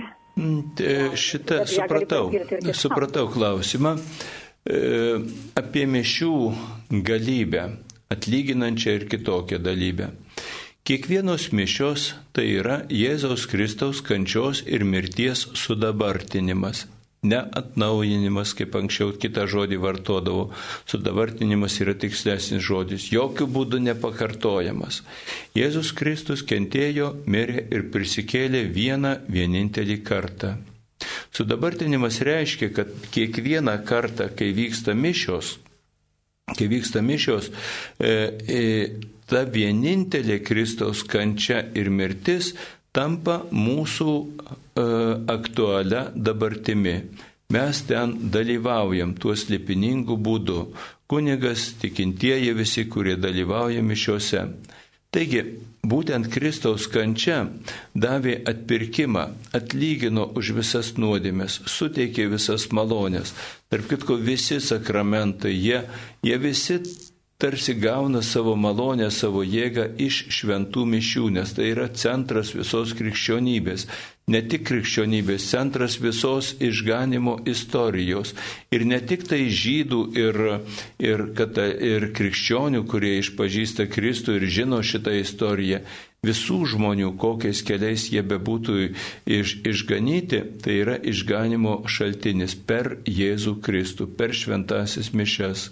Dėl to šitoji atperkamoji mišių gale yra nelyginama, absoliuti, didžiulė, milžiniška. Jos gauname tiek, kiek sugebame jos pasiekti ir pasiimti. Taigi, prašant per mišes sveikatos, kitų malonių, melžiantis užmirusius ir taip toliau, e, galima ir labai naudinga dvasiškai prisiminti ir tai atlyginamą auką ir, ir panašiai. E, tačiau e, tas atlyginamos e, vertės ir kitų dalykų prisiminimas yra vienas iš daugelio dalykų, kuriuos mes galime prisiminti ir kurie tampa aktualūs konkrečiai mums tuo metu. Yra daugybė kitokių dalykų. Ir todėl bažnyčia mes matom vis atranda naujų dalykų. Vienu metu atrado švenčiausio sakramento prieimimą kaip duona, kitą kartą atrado švenčiausio sakramento, e, sakramento garbinimą kaip Kristaus dievystėj. Vienu metu e, atranda Dievo teisingumą, kitokiu metu susikaupia prie Dievo gailestingumo ir panašiai ir panašiai. Ir jeigu, ir, ir jeigu skaityti, įsigilinti va, į, į to, čia galima pasakyti, į tos pamaldumo krypties, kažkokios į tokios pamaldumo kelio per Kristaus atlyginimą, tikrai galima jį išgyventi, miš, išgyventi mišiuose ir iš jo gauti malonių. Bet jeigu šito dalyko nepraktikuoju, o, o kreipi dėmesį į kitus dalykus, per kitus dalykus gauni savo malonės. Gerai, kad jūs atrandat e, šitą dalyką ir tikrai galima juo naudotis, bet e, ne visi šitą turi ir ne visi kunigai būtent e, tuos šaltinius skaito, dėl to jie akcentuoja galbūt kitus dalykus, kitus kelius. Prisimenu Jėzos pasakymą, kiekvienas žmogus iš savo skrynios ištraukia senų ir naujų daiktų. Jeigu ten geri daiktai, jas galima pasidžiaugti ir jie gali būti naudingi. Kitas klausė, klausimas. Negavau vaikystėje tikėjimo šeimoje, bandau rasti Dievą pati. Einu į bažnyčią, atlieku išpažinti, kalbu rožinį, kitas maldas. Tačiau jaučiu, kad e, tai nėra tikras nuoširdus tikėjimas kaip elgtis toliau, kad neįžeisti Dievo. Ačiū už atsakymą. E, tikrai būkite rami, kad jūs e, e, Dievo neįžeidžiat, jeigu jo ieškait, ieškote ir stengiatės nuoširdžiai atrasti per pamaldumo praktikas. Šitos tradicinės praktikos tradicinės praktikos jos tikrai padeda atrasti Dievą. O tokios praktikos katalikų bažnyčioje kaip reguliari išpažintis, ne metinė, o reguliari dažnesnė, kas, kas porą mėnesių saugusiam žmogui taip geriausia būtų. Kasdieninė malda yra būtina ir sekmadienio mišios yra būtinos, kad tikėjimas būtų gyvas. Tikėjimas gyvas būna per tikėjimo darbus. Jėzus sako, iš to atpažins jie esate mano mokiniai, jei mylėsite vieni, kita, vieni kitus. Jeigu tikėjimas pradeda būti kantriu, gailestingu, teisingu, dosniu, ištikimu Ir mylėti žmonės reiškia tikėjimas yra ir Dievas tikrai veikia. Kitas dalykas, ką žmogus jaučia savo širdyje. Gali jausti netikrumą, baimę ir taip toliau ir taip toliau, tačiau tavo gerieji darbai vis tiek atnešė gero, tavo meilė vis tiek kažką sušildė ir dėl to iš tikrųjų tikėjimas veikia ir bendrumas su Dievu yra, nors gali aktualiai savo širdyje to ir nejausti. Turime telefono skambutį. Gražina iš Kauno. Taip, norėjom paklausti dėl tokios bendruomenės. Čia Lietuvoje yra tokia veikliųjų žmonių bendruomenė. Jis išpažįsta tą bendruomenę, kiek žinau, Jėzų Kristų, bet Marijos, motinos Marijos jie kažkaip tai ne, negarbina kas čia per bendruomenė yra, čia katalikiška ar krikščioniška, ar kaip čia suprasti. Tai labai ir krikščioniška, ir katalikiška bendryje. Jis į Lietuvą atėjo kaip veiklių vyrų draugija e, bendryje ir būrė tikinčiuosius katalikus vyrus e, tokiam praktiškam, uoliam kataliko bendravimui e, labai įvairiuose srityse kadangi bent jau pas mus Lietuvoje moteris yra daug veiklesnės už vyrus, tai jos pamatė šitą bendryją ir pasakė, kodėl be mūsų, kur mūsų teisės, kur mūsų dalyvavimas ir taip toliau, kas čia per atsiskirimas, kaip tie vyrai be mūsų kažką gali daryti. Ir tada jos ten, kiek žinau, buvo tam, tikr, tam tikrų būdų, tam tikrų tam tikrų laipsnių į tą bendryją įtrauktos, gali bendradarbiauti ir tada e, persivadino, bent jau, kad moteriams ausies nežeistų bendrų, e, bendrų e, veiklių žmonių bendryje, jau nebe, vyr, nebe vyrų. Tarp kitko, jeigu paimsim įvairias kalbas, ar, ar italų, ar anglų, tai žodis žmogus yra tas pats žodis kaip ir, kaip ir vyras. Taigi, tai yra tokia bendryje.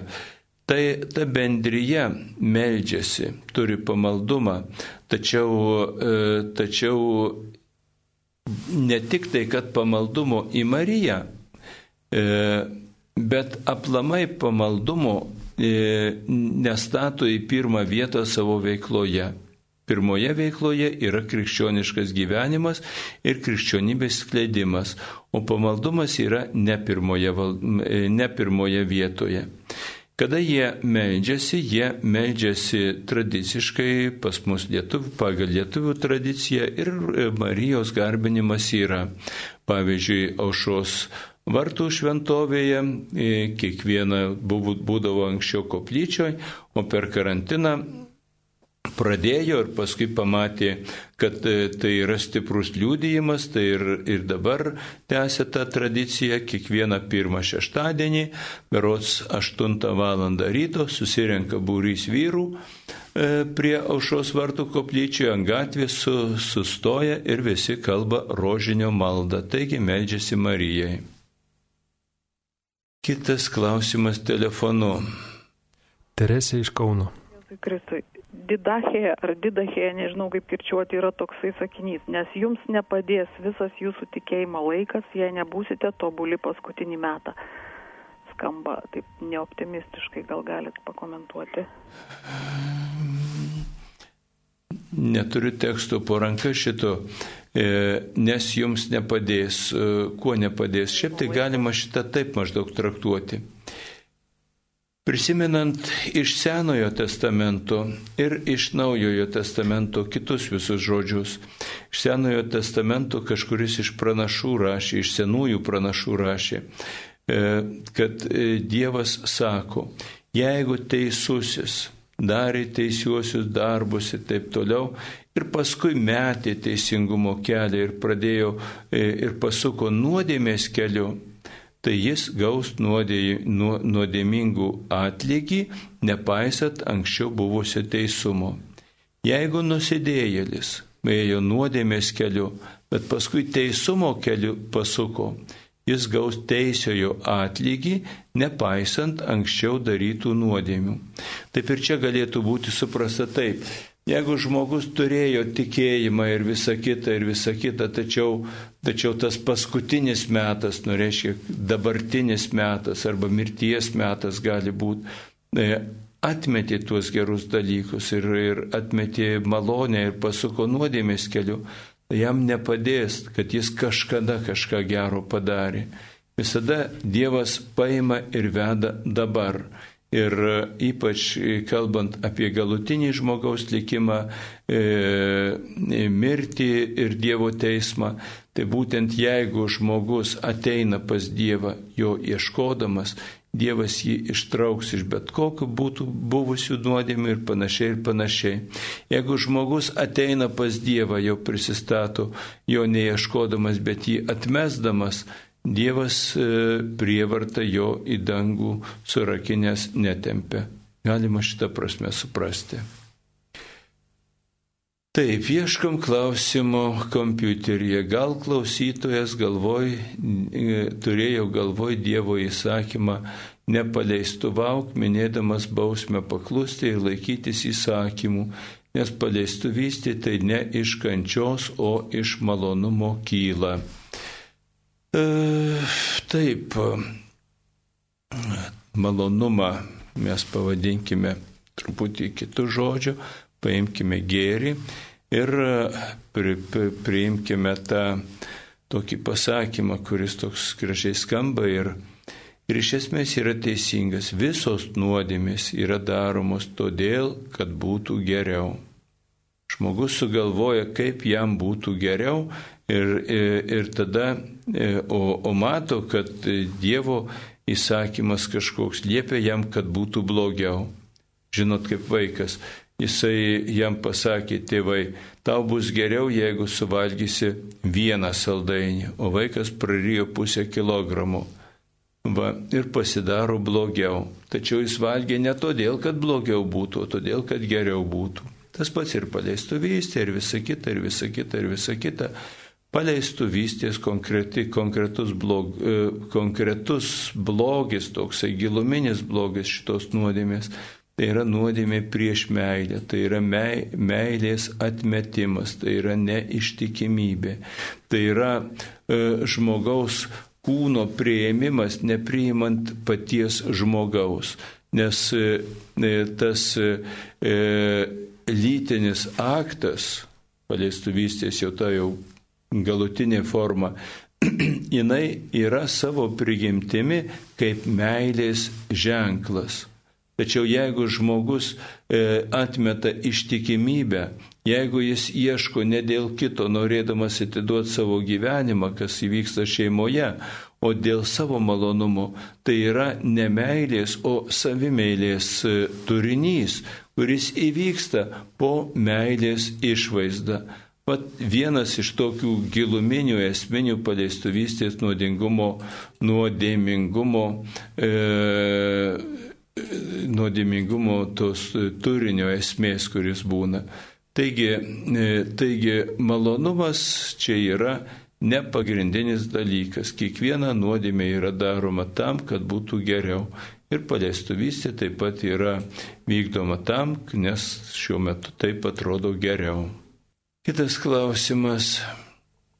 Kokiu priemonių dėka mūsų protėviams pavyko atskleisti e, ir apčiuopti šventos dvasios ir sielos egzistavimą žmoguje ir kuo jie vienas nuo kito skiriasi.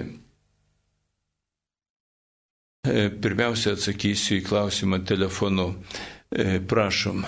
Lina iš Hamburgo. Garbė Jėzui Kristų. Per amžius. Aš noriu širdingai pirmiausia padėkoti už jūsų tarnystę ir visam Marijos radijui, linkėdama Dievo palaimas toliau. Mano klausimas būtų santoros dėl santoros sakramento tarp tikinčio ir netikinčio. Ar jinai tokia pat lygiai vertė kaip tarp, tarp dviejų tikinčių krikščionių? E, santokos sakramentas, kaip ir visi sakramentai, jie yra teikiami tikintiesiems. Va. Jeigu yra žmogus e, kito tikėjimo arba iš viso netikintis, jis sakramentinės malonės negauna. Tačiau santokos sakramento teikėjas yra ne kunigas, teikėjas yra patys besituokentieji.